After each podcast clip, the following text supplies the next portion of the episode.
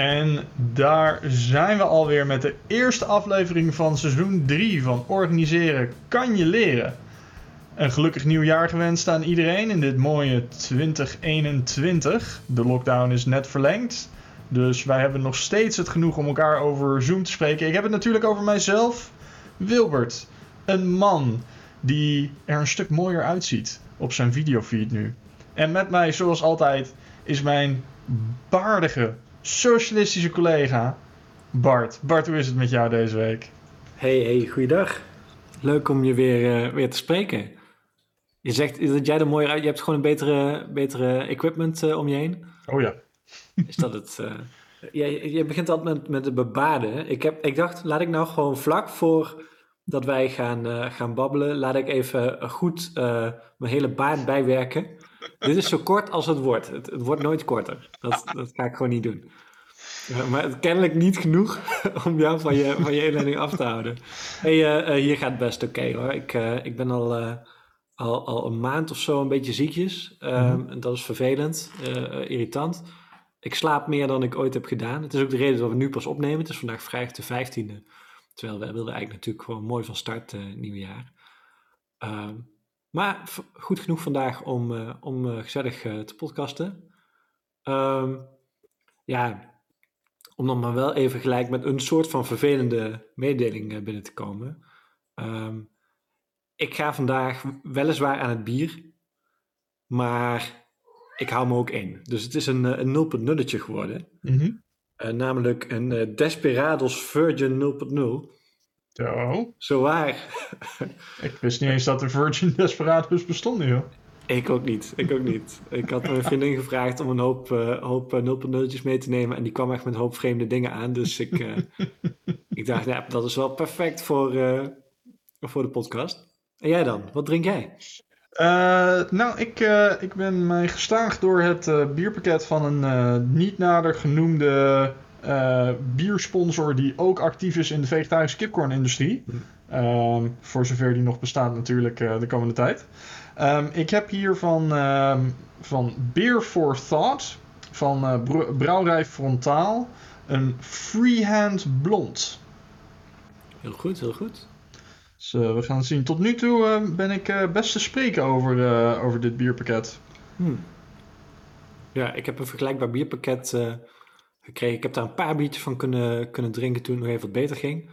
Maar ja, joh, wil, ik, ik, heb, ik had toch wel voor de kerstvakantie een behoorlijk goede biervoorraad. Hè? Um, uh, vooruitziend op dat het toch, ja, het is, het is een lockdown vakantie geweest. En dan uh, is het toch veel binnen zitten, een beetje gamen en wat, uh, wat biertjes drinken. Maar mm. daar is dus niet veel van terechtgekomen. Dus ik heb echt een stapel bier, een soort van backlog, waar ik nog doorheen moet op het moment dat het wat beter gaat. En dat is op zich een mooi vooruitzicht, maar ergens ook wel ook wel dramatisch. Ik uh, kreeg laatst een uh, mail binnen van uh, trouwe sponsor Beerwolf dat ze nu ook gewoon 0.0 pakketten versturen. Dus als het nog even aanhoudt, dan, dan kunnen we natuurlijk altijd daarom vragen. Ja, zeker. Dat klinkt wel als iets wat mij wat misschien sowieso wel even een goed plan is. Ik ga deze eens even openmaken, kijken wat het is. Hoppa. En nou, proost. Proost. Hmm. Hmm. Daar gaat het zo nog even voor hebben. Wil, wij, wij, nemen natuurlijk op een, uh, op een apart moment uh, op. Uh, want tegelijkertijd met, met, met dit praatje houdt iemand anders ook een praatje. Mm. namelijk demissionair premier Mark Rutte. Ja, is dat. ik moet eerlijk zeggen, ik heb het nieuws niet gelezen het afgelopen uur. Maar is dat, is dat nu officieel gemaakt? Ja, nee, het is zojuist bekendgemaakt dat het kabinet is gevallen. Oh jeetje. Ja. Het zat er al even aan te komen. Um, en het leek me wel, we kunnen dit ergens wel op een of andere manier meenemen, maar het leek me wel goed om deze eerste aflevering gewoon maar eens even te, te hebben over uh, wat wij nou verwachten, wat er komend jaar allemaal gaat gebeuren. Hè, dat hoort ook wel een beetje met, met, bij een nieuwjaarsaflevering. Hmm. En wij doen dat natuurlijk in de, in de uh, volledige overtuiging dat wat wij nu gaan voorspellen nergens op is gebaseerd en waarschijnlijk gewoon niet uitkomt. Maar dan maakt het niet minder leuk. Als uh, trouwe aanhangers van Taleb zijnde ja, uh, staan wij wijd open voor zwarte zwanen. Nou, en het laat, laat misschien ook wel even zien hoe wij uh, tegen de wereld aankijken. Hè? Wat, voor, wat voor bouwde voorspellingen durven wij nou überhaupt te maken over wat komend jaar gaat, gaat gebeuren? ja. Kijk, dat dit kabinet bijvoorbeeld ging vallen, dat wilde ik al, al gaan voorspellen, maar dat is nu natuurlijk heel makkelijk. Ja. Hè? Maar, maar, maar, bijvoorbeeld, ja, ik weet niet of jij daar een beetje, of jij dat een beetje volgt, wie gaat nou de PvdA uh, leiden richting de verkiezingen? Wat gaat daar gebeuren? Uh, ik zou is dat te ver van jouw bed? Uh... Dat is iets te ver van mij. Ik moet, ik moet eerlijk zeggen dat ik, uh, dat ik echt maar met een half oog naar de Nederlandse politiek kijk. Ja. Ik ben nog altijd heel blij mee dat die relatief saai is. voor mij dan. Weet je wat, wat wel interessant is? Want ik bedoel, we zitten natuurlijk ook gewoon, gewoon in de tijd van het bestormen van, het, van de Amerikaanse politieke huizen. Um, Asher die maakte gisteren een filmpje over zijn afscheid. Waar mm best nog wel wat over te zeggen is. Daar zal ik zo meteen nog wel iets over zeggen. Maar een van de dingen die hij daar deed, was een soort van opkomen voor de politiek. Hè? En, en, voor die saaiheid en voor respect voor de politiek. En hij vergeleek daar het, het bestormen van het uh, Capitool in de VS met wat er in Groningen is gebeurd. Waar uh, boeren, ik meen, een soort van gemeentehuis hebben bestormd een uh, hele tijd geleden. En daarbij een of andere hele oude deur kapot hebben gemaakt. Oh jeetje. Ja, dat is heel serieus. En op zich is die vergelijking ook wel te maken, maar ergens slaat hij ook weer helemaal nergens op. Hè? Dus het hele idee van, joh, uh, je moet met je handen afblijven van, van politici. En er zijn allemaal, allemaal manieren waarop je in Nederland je ongenoegen kunt uiten. En, en, en partijen kunt oprichten, debatten kunt houden en daar van alles aan kunt doen. En dat moet je niet doen door dingen kapot te maken of mensen te intimideren. En dat is op zich waar. Ja.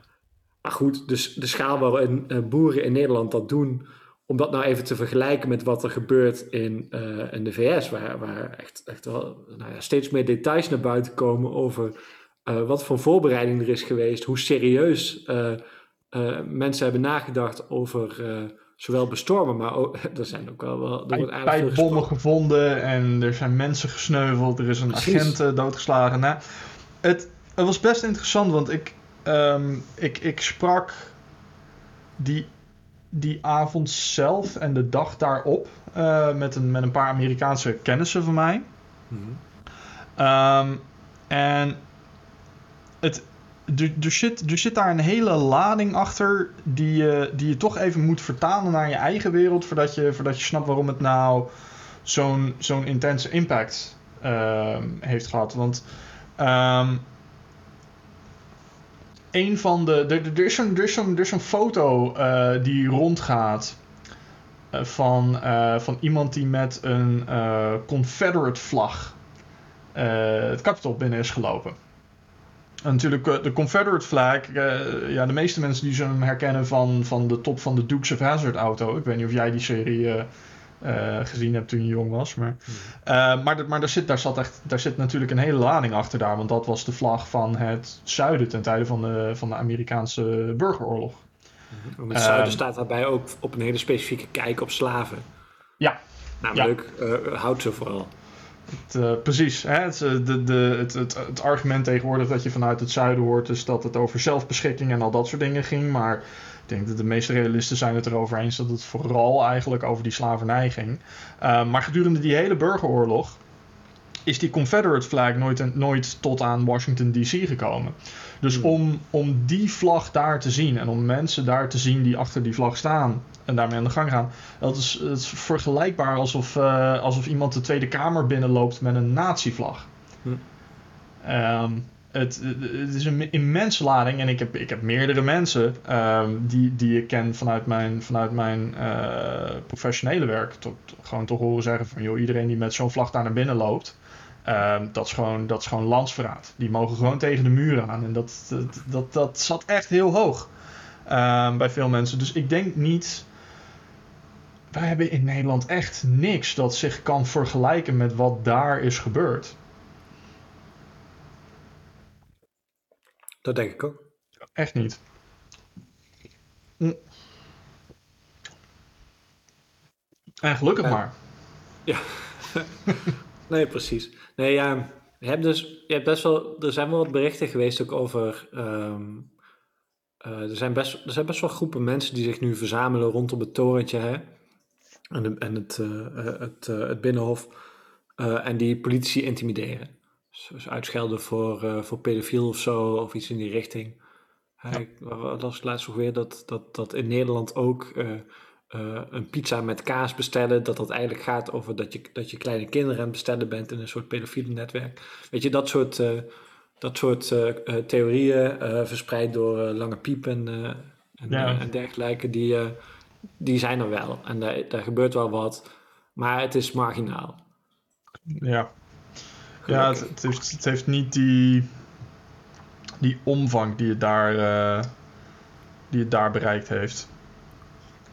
Ja, en, en daar is het ook nog, nog gecombineerd met een bepaalde kijk op wapenbezit, hè, die ook vaak verdedigd wordt vanuit het idee dat de bevolking zich kan verzetten tegen een staatsgreep of tegen, tegen wat dan ook. Gecombineerd met een, een zittend president die eigenlijk zegt dat er op dit moment een, een staatsgreep plaatsvindt. Ja, dat is zo'n zo'n gigantische combinatie van, van, van, van explosieve eh, elementen. Die, Ja. Het kan bijna niet, niet goed gaan. Je, Ja, je, moet, je, je moet je eens voorstellen dat, dat, dat, dat Rutte een Trump had gedaan en gewoon had gezegd over die hele toeslagenaffaire. Gewoon van, is niet gebeurd. Het is gewoon allemaal fake news. Dat is onzin. Ja. Er mag een toeslagenaffaire gebeurd. Niemand is dat. Het zijn allemaal acteurs. Ja, nee, dat, maar dat vind ik tegelijkertijd ook alweer interessant aan wat er nu gebeurt. Hè? Dus er zijn heel veel mensen die, wiens eerste reactie is van... joh, het kabinet treedt op, hoe, hoe kan dat nou midden in een crisis? Ehm, en, en dat is op zich best een begrijpelijke reactie. Hè? Sowieso voor veel mensen die, die, die het allemaal niet volgen... die weten misschien niet zoveel wat er allemaal is gebeurd... met die toeslagenaffaire en zo. Eh zoveel mensen lezen nieuws, en nieuws nou ook weer niet. En, en sommige dingen zijn daar ook best wel ingewikkeld... en het duurt al zo lang. Maakt het soms ook wel onbegrijpelijk. Maar het feit dat we in een land leven waar eh, een kabinet in ieder geval nu, je kunt zeggen het is veel te laat en daar daar is van alles over te zeggen, maar in ieder geval nu eh, dit statement maakt, op zo'n moment ook. En tegelijkertijd dat we ook met z'n allen best wel vertrouwen nog in hebben dat er niet in één keer een heel erg groot probleem is, bestuurlijk gezien, hè, met, met die hele crisis. Dat zegt een hele hoop. Dat is, eh, dat is volgens mij al eh, hartstikke goed. Ehm, ik, wil, ik, ik had het net even over dat, dat filmpje van Asje. Hè? Want die, is, die heeft gisteren, die hele aanloop naar, naar, naar wat er nu is gebeurd, is, is super boeiend, eh, politiek strategisch en wat er allemaal. In ieder geval, gisteren heeft, heeft Ascher eh, eh, dus zo'n filmpje eh, gelanceerd met: joh, ik, ik stop als lijsttrekker en ik, ik bemoei me niet meer met deze verkiezingen. Want dan gaat het te veel over de vraag wat mijn rol daarin is en niet meer over de vraag wat, wat de PvdA nou wil. Hè, en op zich is dat, is dat is van alles voor te zeggen. Ik denk dat het een goede. Ik had niet gedacht dat hij het zou doen. ik had gedacht, de PvdA die, die zijn wel gewend om een beetje zo'n hele pijnlijke affaire door te laten. En dan, gewoon niet die. eh, hij heeft dat beter aangevoeld, dus dat is op zich goed. Maar toen keek ik dat filmpje wel. En in dat filmpje doet Ascher een paar dingen. Hij zegt. eh, nou, zojuist is dat, dat verhaal over het belang van de politiek. En het belang dat mensen daar hun verantwoording nemen. Dat, zeg maar, om ook dit, zeg maar, die, die status in ieder geval in de Nederlandse de- democratie eh, overeind te houden. Mhm. Hij zegt ook dat hij eigenlijk helemaal niks fout heeft gedaan. Ja, dat is ook een techniek. Nou ja, weet je, de, de, ik denk dat eh, ook kritische PvdA's zullen zeggen van nou, op het moment dat, dat je van iets, zoiets hoort, mag je best wel eens wat harder doorvragen. Dat heb je duidelijk nagelaten en je hebt een rol in dat geheel, ook bestuurlijk gezien. Maar goed, daar kun je van alles over, zeggen. Ehm, en hij zegt dus van, ik wil op dit moment eh, daar niks dus mee doen, want dat, dan loop ik alleen maar in de weg. Maar ik wil mij nog wel dienstbaar stellen aan.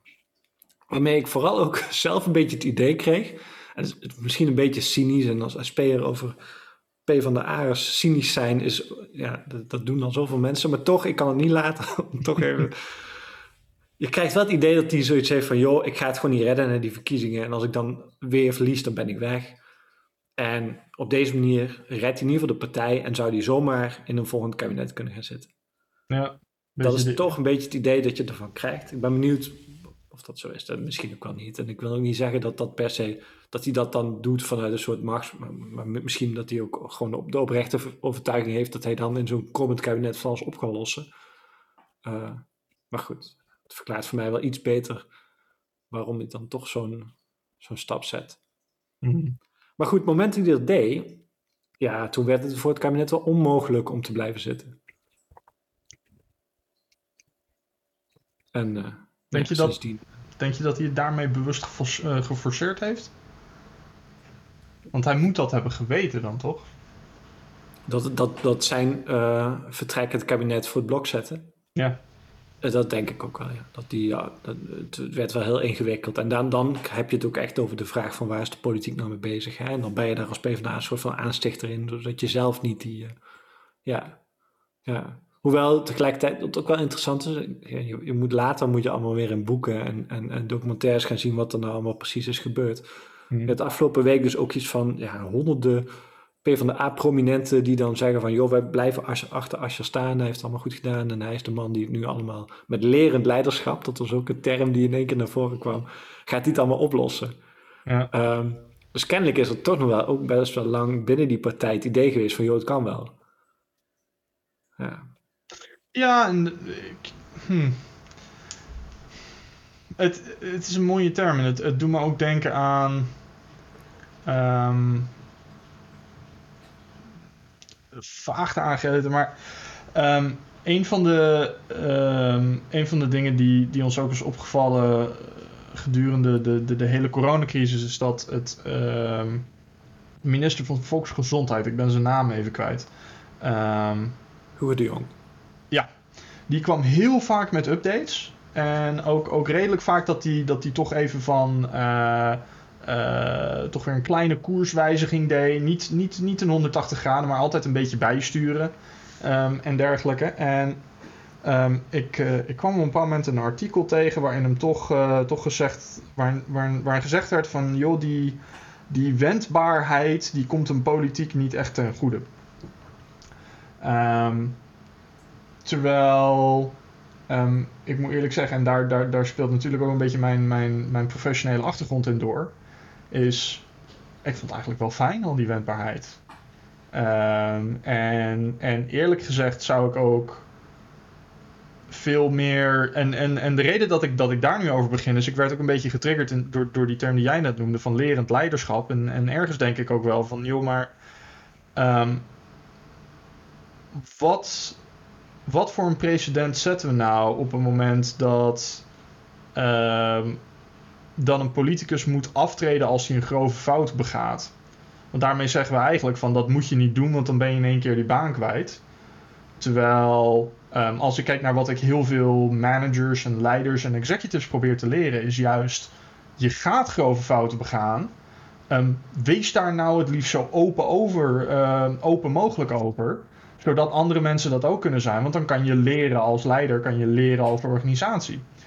Um, dus, dus, dus ergens ben ik wel een beetje bang dat, dat, dat juist die wendbaarheid die we tonen en juist dat vermogen om, om eigenaarschap te nemen van fouten, um, dat dat nu toch een beetje bestraft wordt door mensen die verwachten dat, uh, dat het toch allemaal altijd niet perfect hoeft te gaan, maar dat het wel, dat het wel echt goed moet gaan. Terwijl uiteindelijk, ja, het blijft politiek, het blijft ontzettend complex werk en je gaat grove fouten begaan.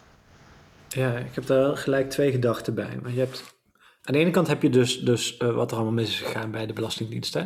Mm En een van de, van de grote besluiten die nu al, ik weet niet, inmiddels zal, zal Rutte het ook wel hebben toegelicht op zo'n persconferentie. Een van de grote besluiten is dat men voortaan ambtelijke notities die leiden tot een kabinetsbeslissing openbaar gaat maken. Die waren dat daarvoor niet. Um, en dat is onderdeel eigenlijk van één grote uh, vraagstuk wat bij deze affaire naar boven is gekomen. Van hoe kan het nou dat eigenlijk continu vragen van pers en van, van, van parlementariërs uh, onvolledig of pas heel laat, en dan hebben we het echt over jaren later, uh, worden beantwoord. Dat bepaalde stukken niet naar buiten komen. Um, dus de vraag, zeg maar, wie heeft hier een fout begaan? Ja, die heeft, dat heeft al jaren geleden is dat wel, wel besproken. En er zijn wel politieke uh, zaken die daarbij spelen. Maar hier, hier speelt wel iets meer, wat juist ook gaat over de vraag van hoe bereid is men om uh, naar die eigen fouten op zoek te gaan uh, en daar iets aan te, aan te willen doen. En ja, binnen politieke context is dat echt super moeilijk, hè? Want, want mm. je hebt gelijk, de, de neiging om af te rekenen is, is erg groot.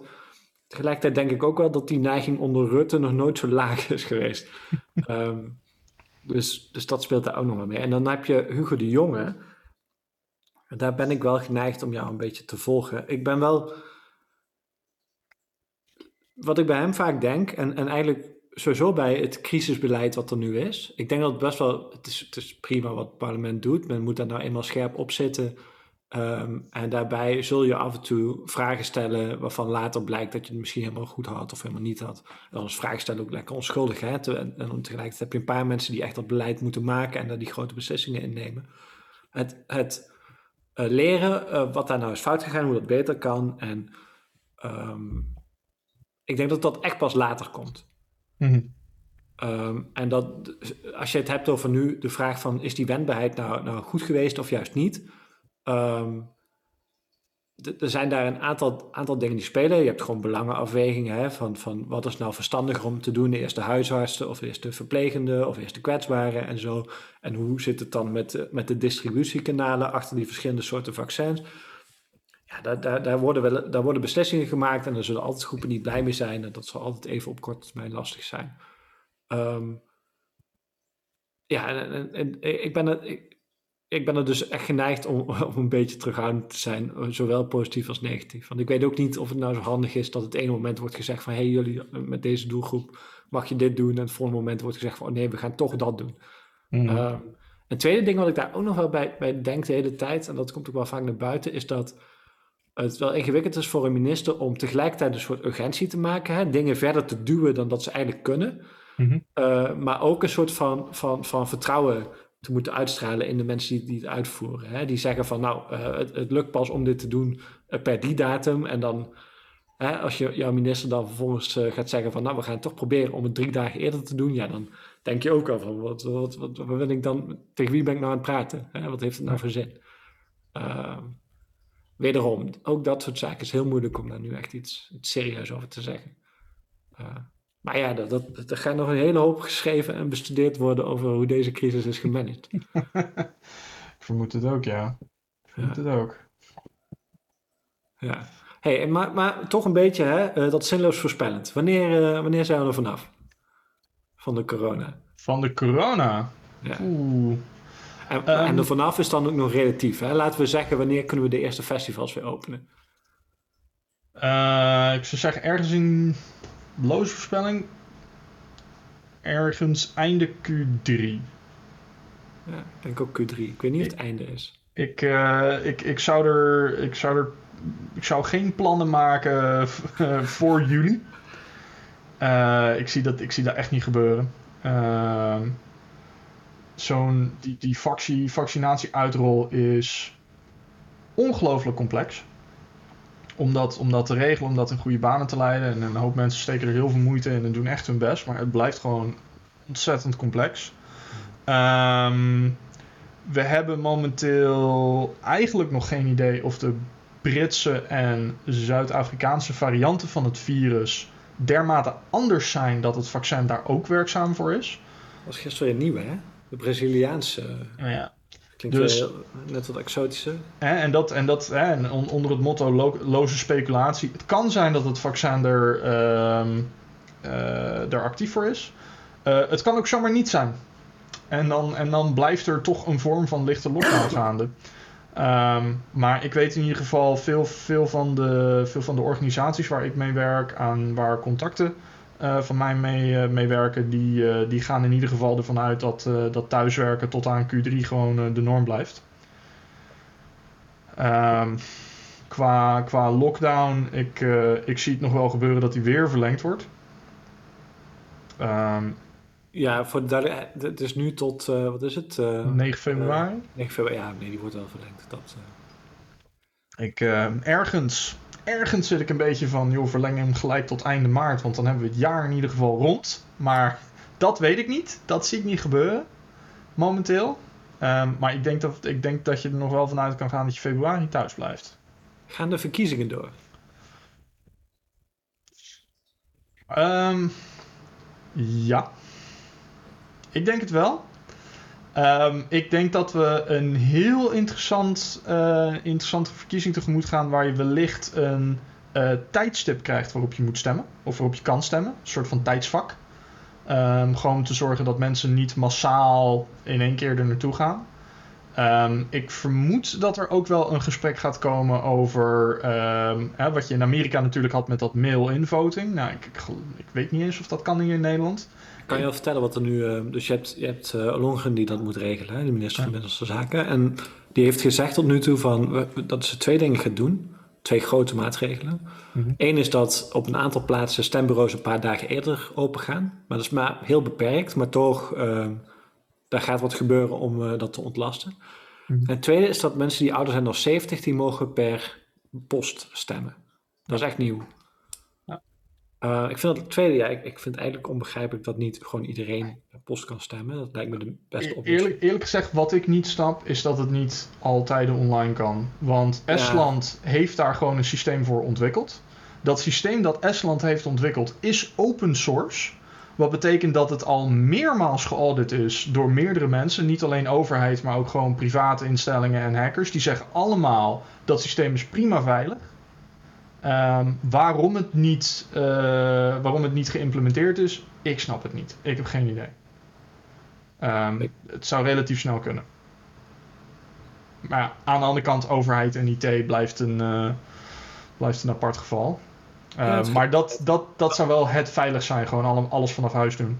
Of allebei, hè? Dus dat je, dat je gewoon met je DigiD kan stemmen aan de ene kant, maar tegelijkertijd ook uh, dat je zou kunnen stemmen per post. Ja. Even een manier verzinnen om te zorgen dat dat niet dubbel gaat, maar... Het, uh, eens. Ik denk, ik denk dat het allebei kan. Uh, ik, denk, uh, ik denk eerlijk gezegd, hoe, meer je, hoe meer je het kan, kan decentraliseren en uitsmeren, hoe veiliger het is. Uh, maar ik denk dat ze sowieso wel doorgaan. Oké, okay, ik, uh, ik, ik ben heel benieuwd. Ik denk het ook hoor, maar 10% uh, geeft nu al, alweer um, uh, niet te gaan stemmen. En dan gaat het over 10% mensen die normaal wel zouden stemmen. Dat is echt wel een hele grote groep. Ja. ik ben echt wel benieuwd wat dat, wat dat gaat betekenen. Is natuurlijk niet goed voor een democratie als dat gebeurt. Zeker nee, en onze opkomst is sowieso niet fantastisch. Nee, als je dan kijkt naar dus wat dat thuisstemmen heeft gedaan in de VS, waar gewoon recordcijfers zijn uh, over, over uh, hoeveel mensen er gaan stemmen. Maar goed, het, het, het, het, het is ook weer cynisch hoor, maar uh, dat er veel mensen gaan stemmen, is voor de ene partij wat voordeliger dan voor de andere. Hè, dus de vraag van hoe goed de democratie werkt, is een politieke vraag. Um, en dat is, dat is heel tragisch, maar zo, zo werkt het wel.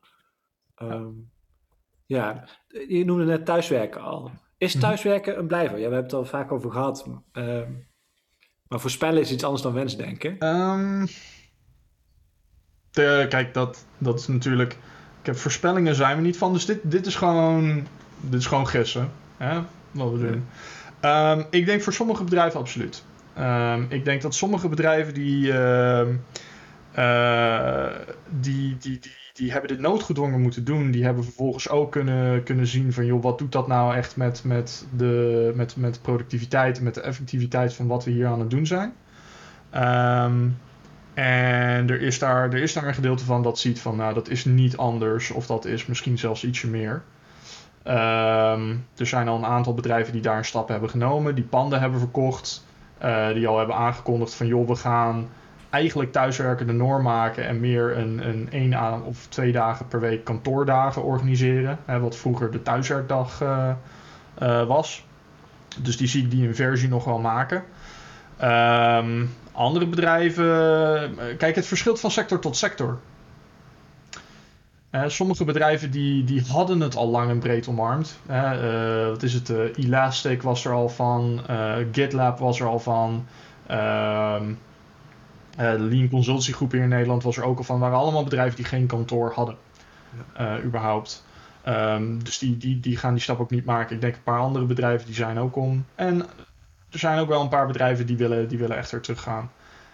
Um, ik denk voor kenniswerk. Um, kan je er denk ik wel van uitgaan dat thuiswerk daarin veel meer de norm wordt.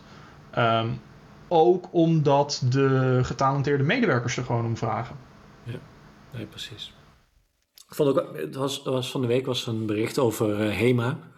Die uh, hebben al hun orders uh, geannuleerd. En een van de, van de redenen die ze daarbij noemden is dat ze het met thuiswerken niet voor elkaar kregen om alle facturen te verwerken. O jeetje.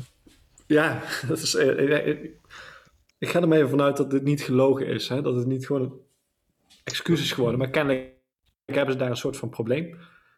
Dat is uh, meer, een, uh, meer een testament voor hun uh, ontzettende slechte IT-infrastructuur, zou ik zeggen. Dan, ik ook. Dus waarmee je, waarmee je naar buiten wil, wil treden. Je kunt er gewoon zeggen, we, we zijn ermee gestopt, want het gaat, we hebben, de winkels zijn dicht.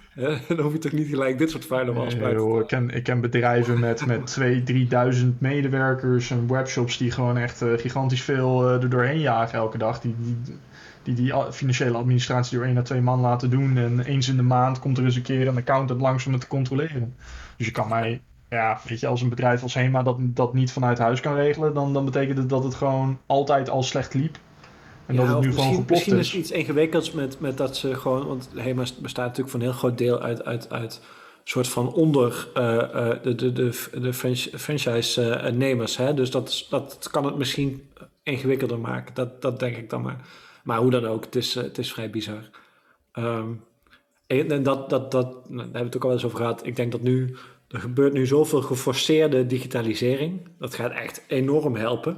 Uh, maar er zijn ook heel veel bedrijven die er echt keihard over aan het struikelen zijn. In een soort van tegelijkertijd achterliggen en tegelijkertijd die vernieuwingsslag moeten maken. Maar goed, doe dat nu dan maar, denk ik. Ja, dat is dan beter dan, dan nog langer wachten. En, uh, er zijn, dat, dat, het binnenkort weer anders kan. Er zijn inderdaad een aantal sectoren voor wie dit echt de, de doodslag is, joh. Uh, daar, daarvan, uh, daarvan wordt ook, uh, wat was het? Uh, de horeca gaat, en dan heb ik het niet over, over de bars en dergelijke, maar de bedrijfshoreca. die, zien, die zien echt erbij al hangen. Echt bedrijven als Sodexo en dergelijke, die gaan er eigenlijk vanuit uh, dat, dat ze niet gaan herstellen naar, uh, naar de niveaus van voor, uh, voor de lockdown. Er was zo'n geweldig interview met, ehm, met een van de topmannen van de, van de Valk hotellen. Die bekend staan volgens mij om twee dingen. In ieder geval in mijn soort van reputatie wat ze doen.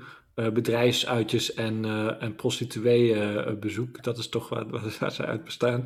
In ieder geval. of gecombineerd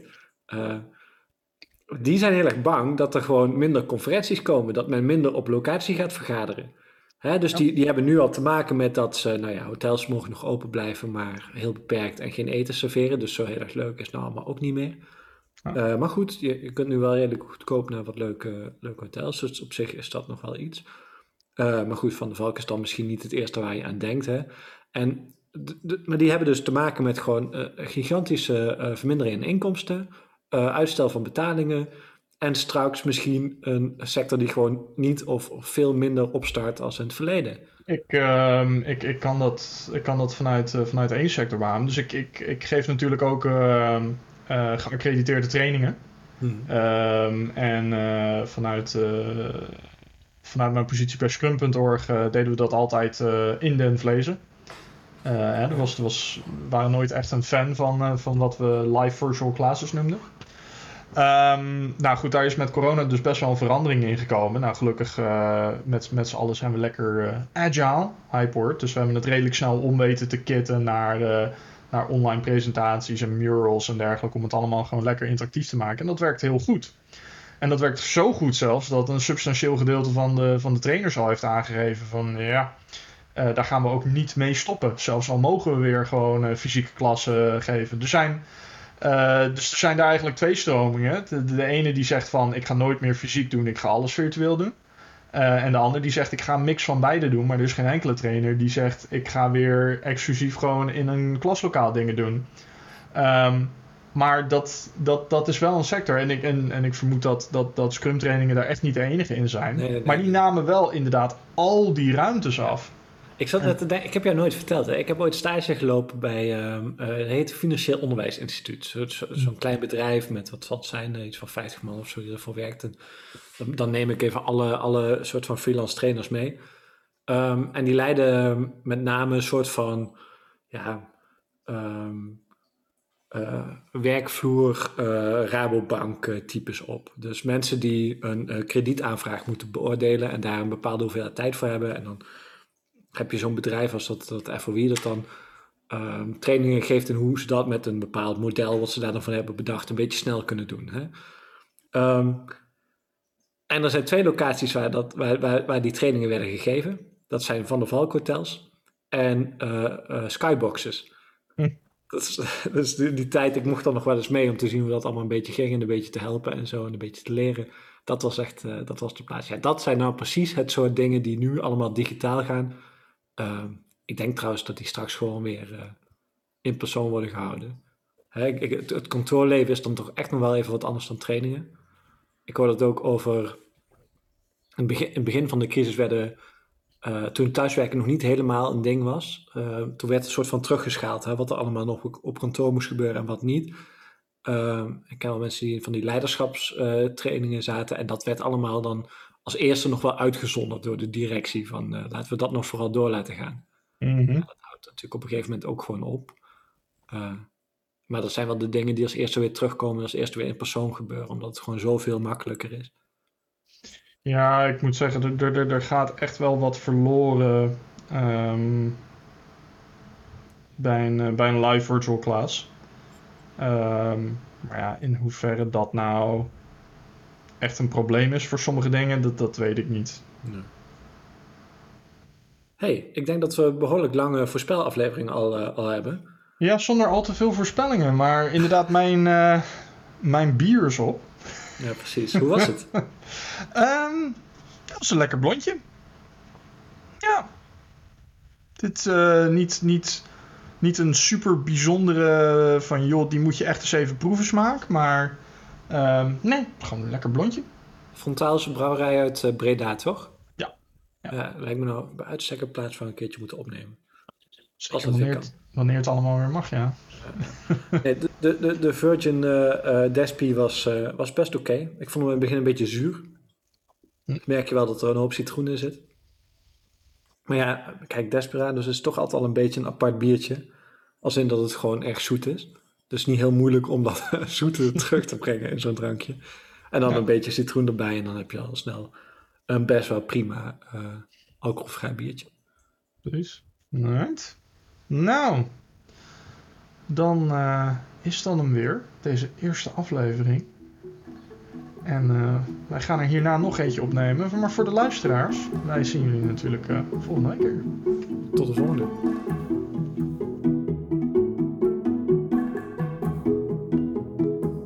Dank jullie wel voor het luisteren van deze aflevering van Organiseren kan je leren. Mocht je vragen hebben over of commentaar hebben op hetgene wat we besproken hebben deze aflevering, of een suggestie hebben over wat we kunnen bespreken in een volgende aflevering, dan kan je ons bereiken op organiseren.pm.me. Dank jullie wel en tot de volgende.